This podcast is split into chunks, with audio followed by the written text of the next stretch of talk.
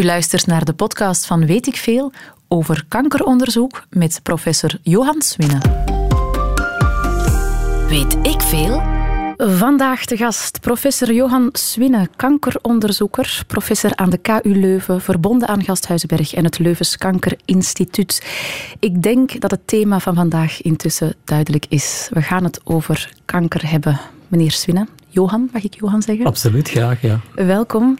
Ja, kanker, een, eh, een woord dat al eens durft te zorgen voor een ongemakkelijke sfeer. Mensen die niet altijd even goed weten hoe te reageren als dat woord valt.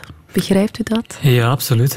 Kanker is toch wel een heel ernstige ziekte die nog heel vaak geassocieerd wordt met sterven, toch wel. Hè. Er zijn ook wel uh, cijfers in het verleden die, die daarop wijzen. De laatste tijd maken we heel veel vooruitgang en wordt kanker hoe langer hoe minder een dodelijke ziekte, wat toch wel heel fijn is. Maar natuurlijk, als je dat bericht krijgt, dat slaat in als een bom.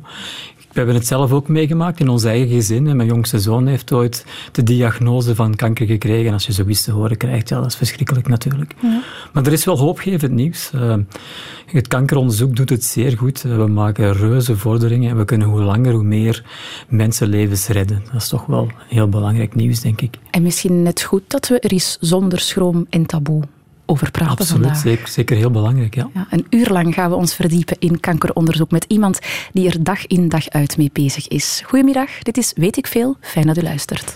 Professor, hoe komt het dat iemand beslist, ik word kankeronderzoeker? Goh, in mijn geval weet ik dat al heel lang. Toen ik een jaar of elf was, uh, was ik op sneeuwklasse met, met heel de school in Zwitserland. En er was uh, een van de medeleerlingen, een goede vriend van mij, die kreeg een berichtje dat hem dringend naar huis moest komen, want zijn tante was overleden aan kanker.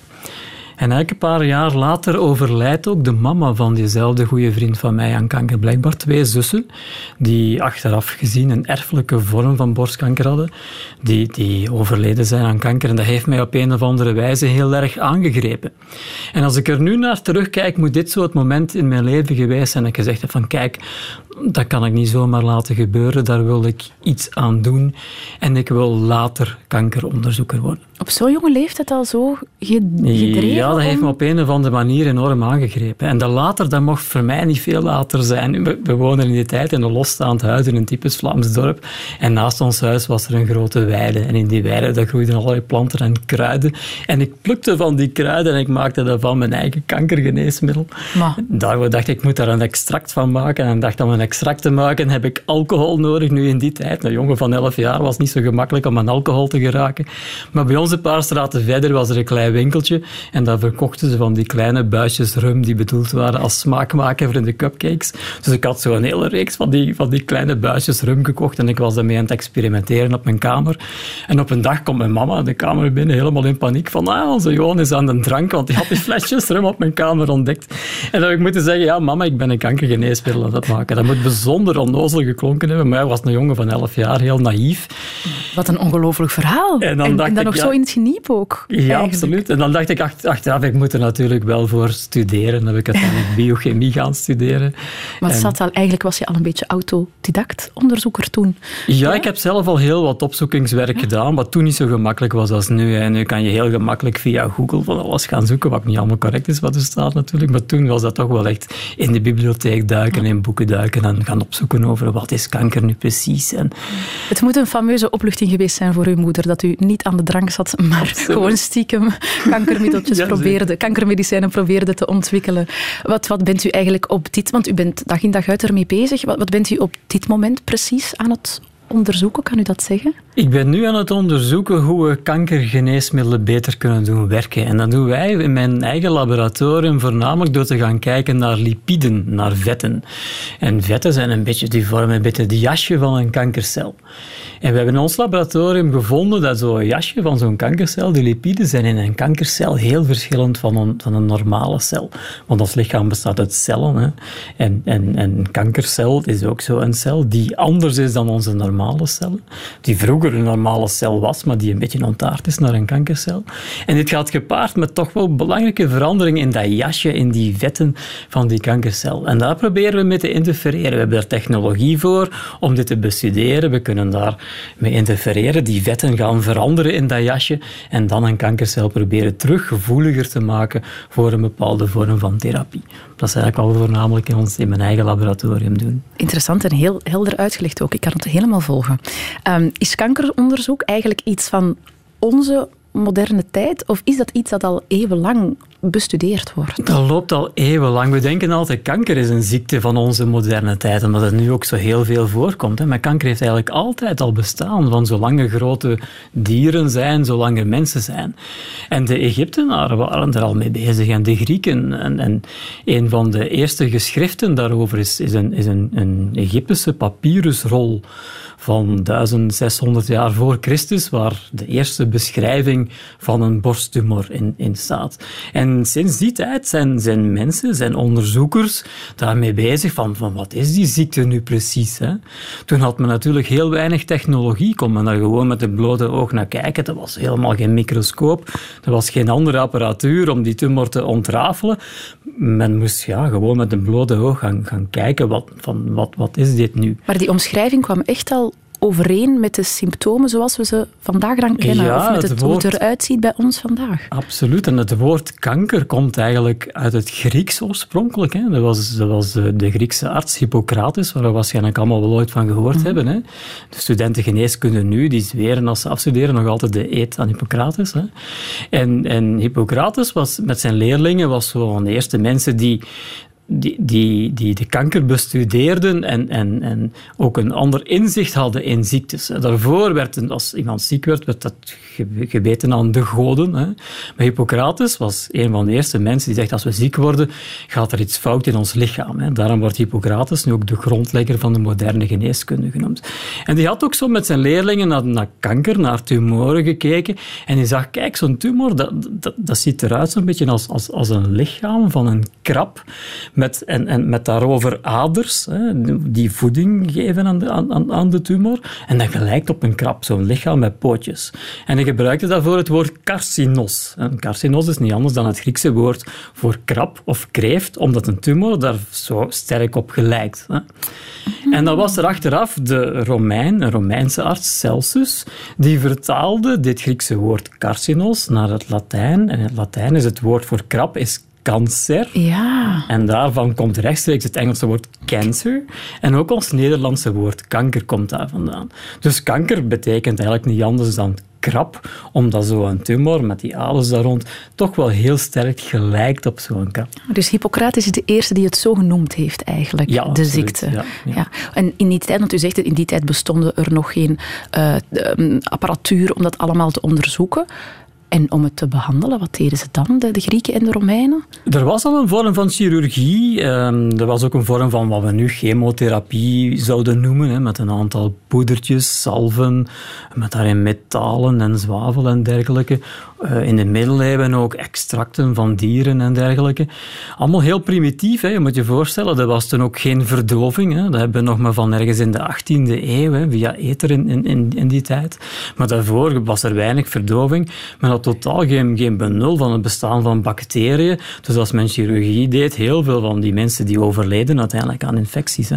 Dat is allemaal pas in de, in de 18e eeuw zijn dergelijke ontwikkelingen gemaakt. En, en, en, en, en sindsdien zijn er enorm grote veranderingen geweest in de manier waarop we kanker gaan behandelen. En die veranderingen die lopen nog steeds door. Hè. Het is een heel snelle evolutie, ook nu op dit moment nog aan de gang, hoe kanker behandeld wordt. Ja.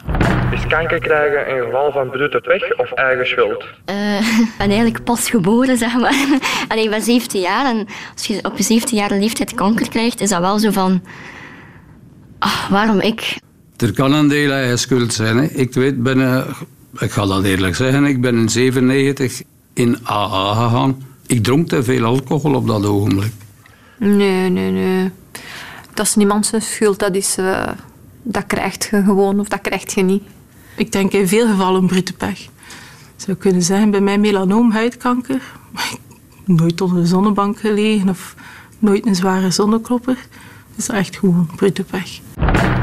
fragment uit Durf te vragen op één, waarin mensen zonder schroom van alles konden vragen aan kankerpatiënten.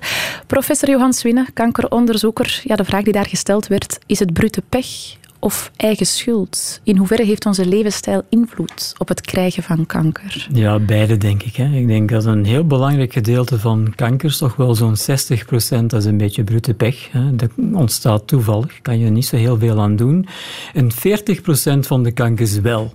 Die houden toch wel verband met onze levensstijl. En dat is toch wel belangrijk om dat te beseffen. Dat is veel, 40 procent. Um, omdat we daar ook op kunnen inspelen naar preventie toe. Hè. En om dit te begrijpen, moet je misschien een klein beetje uitleggen hoe kanker ontstaat. Hè. Kanker ontstaat eh, zoals we het nu zien, want dat is ook een hele evolutie geweest. Hè. Vroeger dacht men, in de tijd van Hippocrates, dacht men dat kanker ontstaat door een ontsporing van de balans van lichaamsappen. Hè. Waarbij er een teveel aan zwarte gal zou zijn en dan zou men kanker krijgen. Dat heeft men eeuwenlang zo geloofd, tot veel, veel later, um, 16e eeuw, mensen zoals Vesalius, hier ook in, in, in Vlaanderen, in Leuven, lichamen begonnen opensnijden en gaan kijken en gaan zoeken naar die zwarte gal. Die hebben die zwarte gal nooit gevonden. Het is pas achteraf, door de ontwikkeling van de microscoop en van andere technologieën, dat men gezien heeft, kijk, ons lichaam bestaat allemaal uit cellen. En ons lichaam komt eigenlijk van één oorspronkelijke cel, een bevruchte eicel. En die ene cel die gaat zich delen. Die ene cel worden twee cellen, twee cellen worden vier cellen, vier cellen worden acht cellen enzovoort. Dat moet natuurlijk allemaal heel mooi geprogrammeerd zijn. Anders worden we gewoon één gigantische bal en dat is uiteindelijk niet de bedoeling. Hè?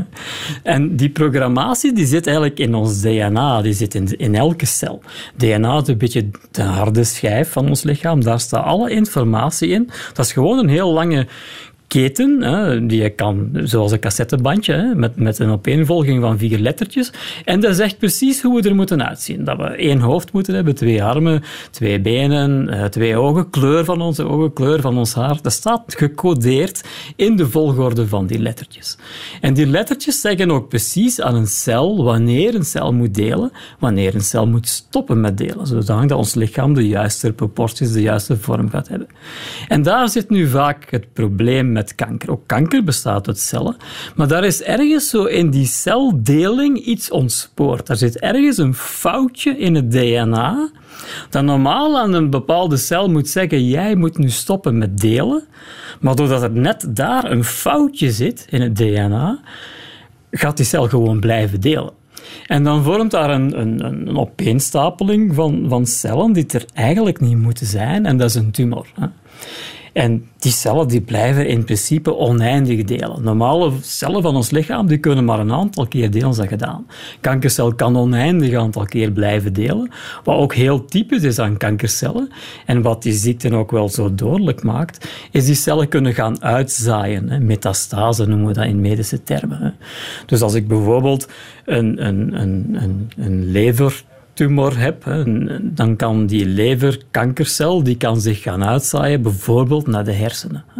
Dat is iets wat onze normale cellen totaal niet kunnen. Stel je voor dat er een normale levercel van mij op een dag zou gaan verhuizen naar de hersenen en daar een tweede lever gaan, mm. gaan vormen dat is natuurlijk een beetje absurd, want anders zouden na een paar weken al mijn, lichamen, al mijn, al mijn organen in mijn lichaam door elkaar zitten. Kankercellen doen dat nu net wel. Ja. Door die foutjes in, in het DNA. En, en dat foutje in dat DNA, uh, komt dat er plots of is dat aangeboren en komt dat later tot uiting? Daar zit nu net het probleem. Hè. Dus als een cel gaat delen, dan moet dat DNA gekopieerd worden. Hè? Want al de cellen van ons lichaam hebben hetzelfde DNA nodig.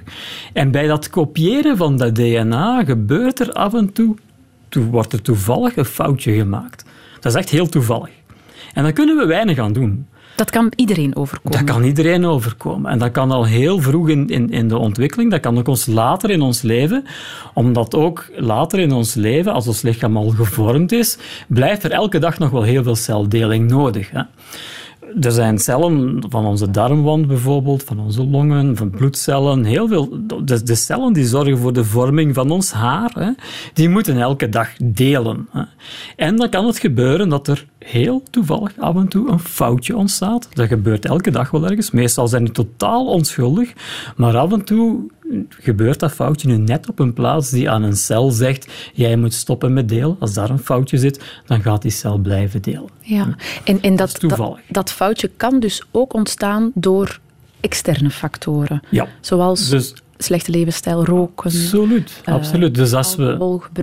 Ja, als we ons lichaam blootstellen aan factoren die zorgen dat er gemakkelijker foutjes ontstaan. Denk nu aan de rook van sigaretten. In de rook van sigaretten daar zitten een aantal chemische stoffen in die gaan binden aan die lettertjes van dat DNA. En die gaan ervoor zorgen dat er veel gemakkelijker een foutje gemaakt wordt. Maar kan je met zekerheid zeggen dat een roker die kanker krijgt, die kanker niet had gekregen als die niet had gerookt? Nee, absoluut niet. Hè. We weten ondertussen uit cijfers dat zo'n 85% van de longkankers veroorzaakt worden door roken. Dus roken is daar ongetwijfeld een heel belangrijke factor. Maar er is nog altijd 15% van mensen die longkanker hebben die nooit hebben gerookt.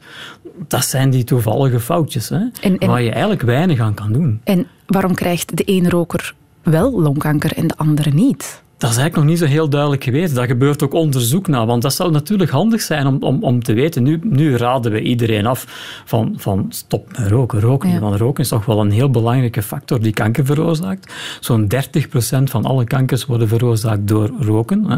Maar niet iedereen die rookt ontwikkelt kanker. Dat heeft waarschijnlijk te maken met iets genetisch in ons lichaam. Hè. Dat sommige mensen zijn daar beter tegen beschermd dan anderen. Omdat ons lichaam beter... heeft ook beschermingsmechanismen. Ja. Ook, hè. Ja, ik wou net vragen heeft dat te maken met het immuunsysteem dan of zo? Dat die mensen een beter immuunsysteem hebben of zo? Dan? Dat kan te maken hebben met het immuunsysteem, maar ons lichaam heeft ook een eigen mechanisme om foutjes te corrigeren. Hè. Er zijn een aantal mechanismen gekend die, die foutjes in ons, in ons DNA gaan detecteren. En als er een foutje gedetecteerd wordt, dan wordt die cel gewoon op, op stop gezet. Die gaat niet meer delen en die gaat eventueel dood. Dat is een, een, een leuke anekdote of, of, of een leuk weetje daar rond olifanten zijn supergrote beesten. Hè, dus daar, daar, zou, daar moet heel veel celdeling gebeuren om zo'n groot beest te vormen. Dus je zou verwachten dat olifanten heel gemakkelijk kanker gaan krijgen. Hè, want er, als er toevallig foutjes gemaakt worden, is de kans natuurlijk groot als je zo'n groot beest moet maken, dat er wel ergens een foutje gebeurt. Toch komt kanker heel weinig voor bij olifanten. Die hebben nu net een heel goed verdedigingsmechanisme, dus een, een bepaald systeem dat die foutjes gaat herkennen en gaat elimineren, die cellen gaat elimineren. Daar hebben wij mensen twee kopies van. Een olifant heeft daar 38 kopies van.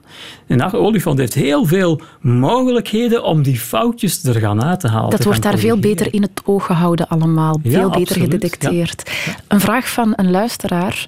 Rudy vraagt, wat is de impact van suiker op de groei van kankercellen in het lichaam? Ja, we hebben het nu gehad over, over foutjes in het DNA, die, die, die ook geïndiceerd kunnen worden door onze levensstijl. Hè.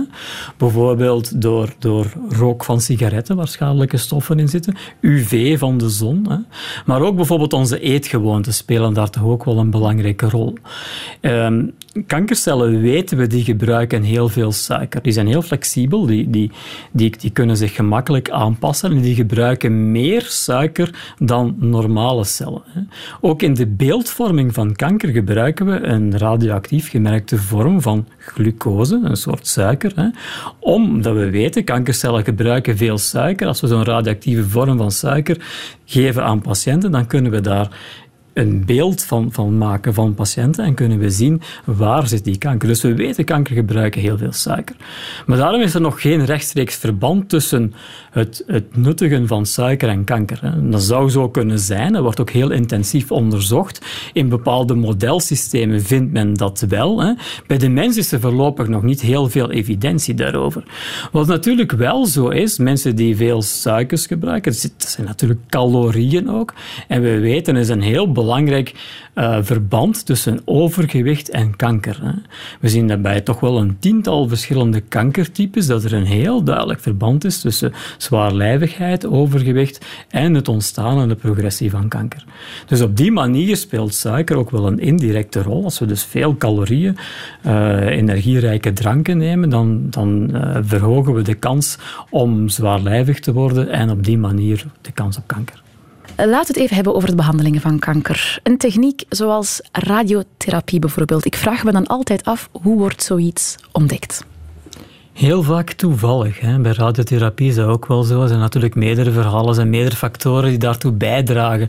Maar een van de verhalen daarachter is bijvoorbeeld een, een, een wetenschapper, Becquerel, hè, die, die, die we nu ook kennen van de eenheid van straling, noemen we ook Becquerel. Hè. Die was op een dag op bezoek in, een, in, een, in het labo in Parijs van Pierre Marie Curie. En die waren bezig met radioactieve stoffen. Hè. Stoffen uit, uit de ondergrond, heel dikwijls uit het zuiden, die stralen uitzenden. Hè. En ze waren die stoffen aan het bereiden. En dat was moeilijk om te bereiden, kwam ook uit verre landen, was dus eigenlijk allemaal heel kostelijk. En die hadden zo een, een, een, een buisje met, met die radioactieve stof, radium was dat in dit geval, aan die, aan die vriend Becquerel gegeven, die daar op bezoek was. En omdat het zo kostbaar was, had Becquerel dat in zijn vestzakje gestoken. En die had er zo heel de dag mee rondgelopen. En s'avonds begon dat bij hem op zijn, op zijn borstkast begon dat pijn te doen en hij knoopt zijn hemd los. En hij ziet dat dat weefsel helemaal verschroeid is. Het was een, een heel sterke zonnebrand. Hè. Door die straling was, was dat weefsel eigenlijk helemaal... Van, van, zijn, van zijn jaszak, van zijn, uh, van zijn vest, was, was helemaal uh, doorschroeid. Dat zijn huid, hè. Ah, Dus- tot in zijn huid, Tot in zijn huid. Die stralen die gaan, die gaan door, die stof, en die gaan tot Dus die in zijn huid. verbrand, en die was eigenlijk verbrand. Die was op, op die plaats waar dat buisje radioactieve stof zat, was die verbrand. En dan waren er andere wetenschappers die dachten van, ja, kijk, dat is interessant.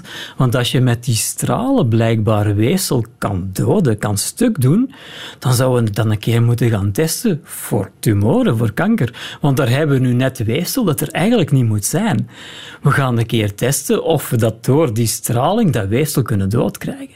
En dat heeft men geprobeerd en dat bleek te werken. Dus dat is één man- van die anekdotes, maar er zijn zo meerdere verhalen. Want als die man dat dan niet in zijn, zijn jaszak had gestoken, dan, dan was het misschien niet... Absoluut, dat zijn van die toevallige, toevallige ontdekkingen die, waar, waar wetenschappers dan over nadenken en die zeggen van kijk, ik zie hier wel een mogelijke toepassing voor. Hè? Ook zo, zo chemotherapie, hè. ik heb dat straks gezegd, chemotherapie doen we eigenlijk al, al sinds de Grieken en de Romeinen. Maar de echte chemotherapie is pas op gang gekomen na de Tweede Wereldoorlog. Een beetje geïnspireerd door, door een gebeurtenis, een, een, een- een bombardement op het havenstadje Bari in het zuiden van Italië met mosterdgas. En had men gemerkt dat de dagen en de weken daarna, bij de mensen die dit, die, die dit bombardement met mosterdgas overleefd hadden, die hadden veel minder gewone witte bloedcellen. Want die witte bloedcellen die moeten ook elke dag delen. En het bleek nu dat dat mosterdgas bij die mensen de deling van die normale cellen stillegde. En dan was er weer een wetenschapper die dacht van kijk, dat is eigenlijk wel interessant, want als je met mosterdgas de deling van cellen kan stilleggen, dat is nu net het probleem bij kanker. Er is te veel deling van cellen. We gaan dat een keer uittesten bij kankerpatiënten. En dat bleek te werken. En zit er nu nog mosterdgas dan? Nu gebruiken we eh, geen mosterdgas meer. Hè. Nu hebben we andere stoffen van chemotherapie. Hè. Een voorbeeldje is bijvoorbeeld taxol, wat, wat we halen uit de, uit de schutjes van de taxushagen. Hè. Dat ook net de deling van cellen gaat stilleggen. Dat zijn allemaal vormen van chemotherapie. Hè. Die gebruiken we nog altijd, maar die hebben wel een aantal nevenwerkingen, want die maken heel weinig onderscheid tussen een normaal delende cel van ons lichaam. Ik heb dus straks gezegd, onze normale cellen moeten ook dikwijls delen. Denk maar gewoon voor de vorming van ons haar. Hè. En, en, en een onderscheid met kanker. Die, die chemotherapiestoffen maken heel weinig onderscheid. Die leggen gewoon alle deling stil. Vandaar dat we nu de laatste jaren, omdat we nu technieken hebben om te gaan die foutjes in het DNA te gaan opsporen, we kunnen die gaan aflezen. We gaan die 3 miljoen lettertjes in het DNA gaan we helemaal aflezen. Gaan kijken waar zit hier een foutje. En nu maken we geneesmiddelen gericht tegen zo'n foutje.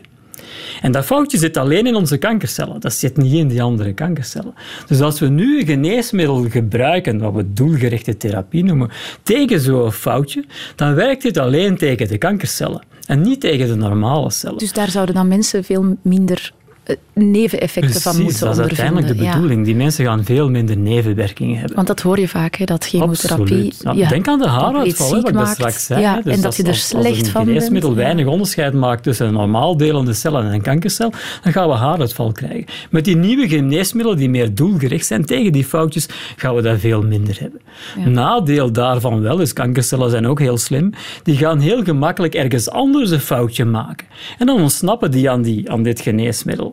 En dan gaan we zien, die patiënt die reageert een aantal weken heel goed op die therapie, die tumor verdwijnt, maar na een aantal weken of een aantal maanden, misschien zelfs een aantal jaren, komt die tumor terug. Ja. En dan moeten we weer opnieuw gaan zoeken waar zit nu het foutje en daar opnieuw met een ander geneesmiddel proberen in te grijpen. De laatste jaren is er is ook immuuntherapie ja. veel bekender geworden. Hoe werkt dat precies? Dat is een lange ontwikkeling. Daar is men al, al ruim 100 jaar eigenlijk mee bezig hè, met die immuuntherapie. In de laatste jaren is daar een enorme doorbraak in, omdat we nu de mechanismen erachter gevonden hebben. Kankercellen, ik zei het net, dat zijn heel, heel, slimme cellen, die gaan zich ook verbergen tegen het immuunsysteem. Kankercellen is eigenlijk een vreemde cel voor ons lichaam, want die hebben zo'n foutje.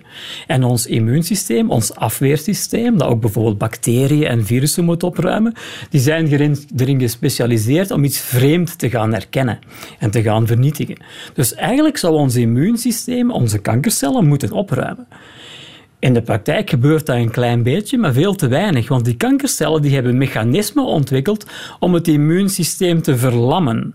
Die kankercellen die maken een stofje die die kankercel, die immuuncel, die afweercel, die gaat die kankercel misschien wel herkennen, maar die kankercel maakt een stofje om die te inactiveren. Gaat die gewoon verlammen. Die immuuncel onderneemt geen actie tegen die kankercel. En dan kan die kankercel gewoon vrolijk blijven groeien. Wat nu een aantal wetenschappers een paar jaar geleden ontdekt hebben, is nu net het mechanisme van die rem, zeg maar, die de kankercel op dit immuunsysteem zet.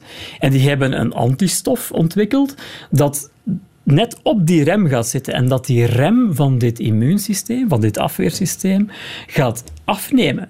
Waardoor die, die afweercel zich opnieuw actiever kan gaan richten tegen de kankercel en die gaan opruimen. En dat is natuurlijk een, een heel mooie nieuwe manier om kanker te bestrijden, omdat we niet meer met geneesmiddelen tegen de kankercel zelf iets kunnen gaan doen, want dat werkt maar zolang het geneesmiddel er is. Hè nu hebben we, schakelen we eigenlijk het eigen afweersysteem, het eigen immuunsysteem in, in die strijd tegen kanker. En dat immuunsysteem dat heeft ook een geheugen. Eens we dat immuunsysteem getraind hebben en die rem is eraf genomen, dan gaat dat veel, veel langer werken. En dat zien we ook. We zien daarbij een veel langdurige respons van patiënten. Dus het lijkt wel goed te werken dan die Dat werkt zeer mooi voor een aantal kankertypes. Hè. Voor, voor melanoma bijvoorbeeld, hè. voor uitgezaaide huidkanker. huidkanker ja. Ehm, voor longkanker werkt dit ook heel mooi. Biedt heel nieuwe mogelijkheden. We zien daar bij heel wat patiënten die, die stabiel zijn, eh, al, al voor jaren, hè, met, die, met die immuuntherapie, maar werkt niet voor alle kankertypes. Werkt ook niet voor iedereen met een bepaald kankertype. Niet alle melanoma-patiënten gaan ermee geholpen zijn. En dat is nu een beetje het werk van, van onze onderzoekers op dit moment, om te gaan uitpluizen waarom werkt dit nu voor de ene kankerpatiënt wel en werkt dit voor de andere niet. Mhm. En wat kunnen we doen om dit voor zoveel mogelijk patiënten te laten werken? Maar het is werkelijk een, een, een evolutie, een revolutie zou ik zelfs zeggen, in de behandeling van kanker. Het biedt heel veel nieuwe mogelijkheden. Eh, er zijn ook mensen die voor alternatieve geneeskunde kiezen. Hè. Oosterse geneeskunde, bepaalde speciale diëten, acupunctuur en zo. Is dat een, een, een, behandeling die kan werken? Of um, ja, wat denkt u daar eigenlijk als over? Als bijkomende behandeling kan dit soms wel heel nuttig zijn voor sommige mensen. Hè. Uh, natuurlijk is het voor ons wetenschappers wel belangrijk dat er wetenschappelijke evidentie is dat iets werkt. En daar worden studies, hè, daar worden wetenschappelijke studies rond gedaan met controlegroepen, waaruit we duidelijk kunnen zien van kijk, een bepaalde behandeling werkt of werkt niet. Hè. En uh, voor een aantal van die alternatieve methodes is dat ook gedaan. Voor andere is dat veel minder gedaan dan zit dat een beetje nog in een grijze zone. Dat kan zijn dat er later wel evidentie voor komt. We moeten natuurlijk soms wel voorzichtig zijn als we die dingen met elkaar beginnen te combineren. En heel wat patiënten doen dat nogal eens. Hè. Dan moeten we wel, wel zeker zijn dat de ene behandeling niet interfereert met de andere. Zou het kunnen, professor, dat kanker een ziekte is die ooit stopt met bestaan? Dat vermoed ik niet. Hè. Als je kijkt naar het ontstaansmechanisme waar we het daar straks al even over hadden, bijvoorbeeld het toevallig ontstaan van die foutjes hè, bij de deling van cellen, dat zal er altijd blijven. Hè. Dat, daar kunnen we weinig aan doen. Dus kanker zal altijd blijven bestaan. Wat we wel kunnen doen, is natuurlijk die 40% van kankers die die veroorzaakt worden door onze levensstijl, daar kunnen we wel in belangrijke mate op ingrijpen. dat is preventie. Hè. Ja. Natuurlijk ook, kanker kunnen we, en doen we nu al, veel beter gaan behandelen dan vroeger, hè, door nieuwe behandelingsmethoden, wat de overlevingskansen enorm doet stijgen. En daar zijn we de laatste jaren wel echt enorm in geslaagd. Hè. Als je kijkt, met 50 jaar geleden was de gemiddelde overleving van, kanker was, van kanker was 30% Nu zitten we daar aan 70% En voor heel veel kankertypes zelfs boven de 90 procent. Wat eigenlijk wel een heel belangrijke evolutie is. Dus, dus daar kan nog verder aan gewerkt worden. Um, vroeg opsporen is daar denk ik bij heel belangrijk. Dat hoor je altijd, hè? we zijn er gelukkig op tijd. Ja, bij. dat zien we wel bij heel wat kankertypes. Als je een kanker vroeg kan opsporen, wanneer die tumor nog mooi gelokaliseerd zit op één plek en nog niet is uitgezaaid, is de overlevingskans veel groter. En er zijn een aantal dingen die we kunnen doen. Hè. Goed letten op onszelf, of er geen veranderingen zijn in ons lichaam, knobbeltjes die we ergens ontdekken, vlekjes op onze huid die snel veranderen. Bevolkingsonderzoek is er ook, hè, waar mensen boven de 50 of 52, afhankelijk van een kankertype, worden opgeroepen om zich te laten screenen, laten, laten testen voor bepaalde kankers. Dat kan maar voor drie kankers.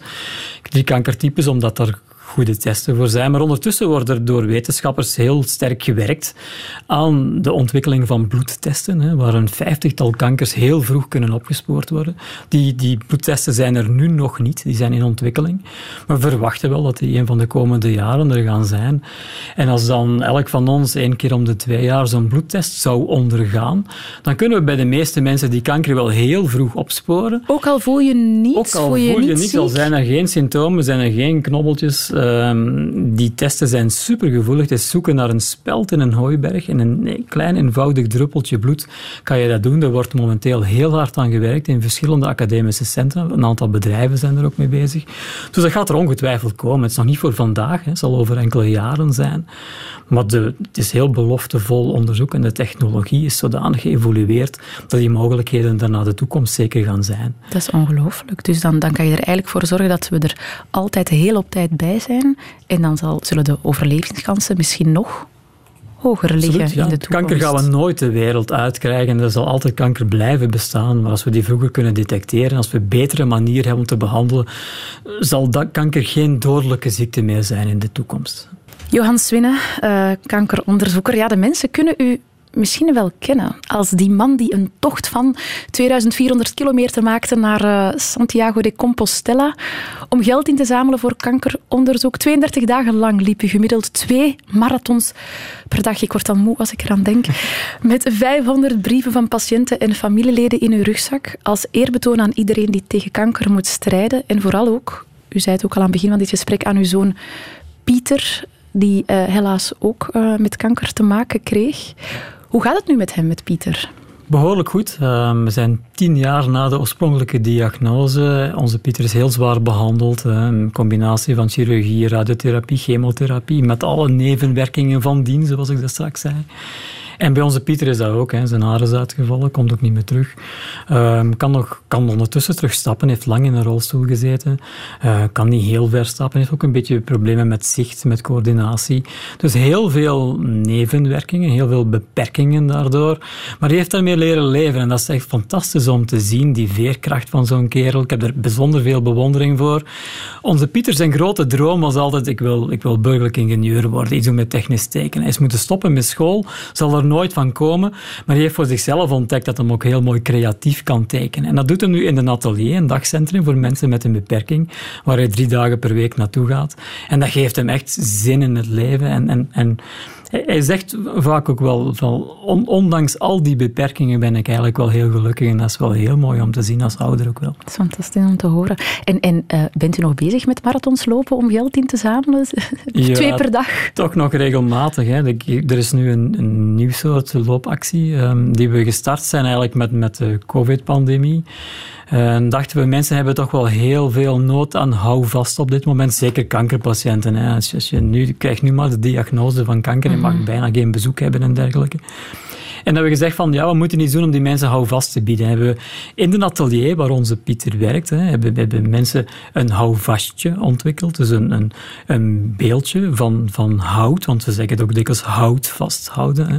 Dus iets wat van hout dat je heel mooi kan vasthouden. Dat mensen aan elkaar kunnen schenken, aan elkaar kunnen opdragen, vaak ook met een boodschap bij, om hen houvast te bieden. Letterlijk en figuurlijk. Hè. En, en we kunnen dat, zulke beeldjes nog, nog kopen hè, om de zaak ja, te kan nog. Hè. We hebben daarvoor een website, uh, die noemt www.delangetocht.be, dus daar kan je op gaan kijken. We hebben ook een Facebookpagina, uh, die noemt Houd me vast, gewoon houd met een T, houd me vast, dus daar kan je ook op gaan kijken.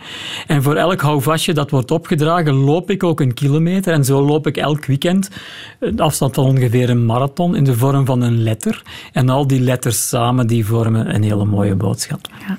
En, en telt een quiz doen ook? Uh, voor marathon, want ik zou nog een quiz moeten doen, want we hebben heel veel bijgeleerd. Ja, we gaan een quiz doen. Hè? We gaan een quiz doen. Hè. Uh, ik, ik, zie in uw ogen dat u heel veel zin heeft om mij te ondervragen. Ja, u bent en blijft natuurlijk professor uh, aan de universiteit. Ja, volgende week beginnen de examens ook. Voilà, u kan zich al voorbereiden op, op mijn examen. Wacht, ik moet even het juiste geluidje vinden. Weet ik veel. Het is wel een heel happy geluidje. Ik ga terug, terug afzetten. Laten we het serieus houden.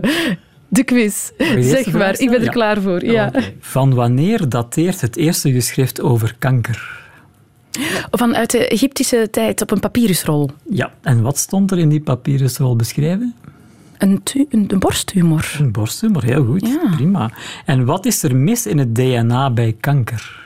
Uh, de, de, de, celdeling die normaal gezien zou gestopt moeten worden, uh, gebeurt daar niet en de cellen blijven groeien. Super, dat is al drie op drie. Nog twee vragen. Oké. Okay. Hoeveel van de kankers wordt veroorzaakt door roken? Uh, was het 40? Nee, procent? 40? 30 procent. 30 procent door roken en dan nog 40 procent kan voorkomen worden, ja. Weet ik veel? Hartelijk dank, Johan Swine. Het was een enorm interessante uitzending. Dank u wel voor uw tijd en om tot hier te komen. En morgen ook heel interessant, een heel andere wereld. Die van vleermuizen. Heel graag tot dan.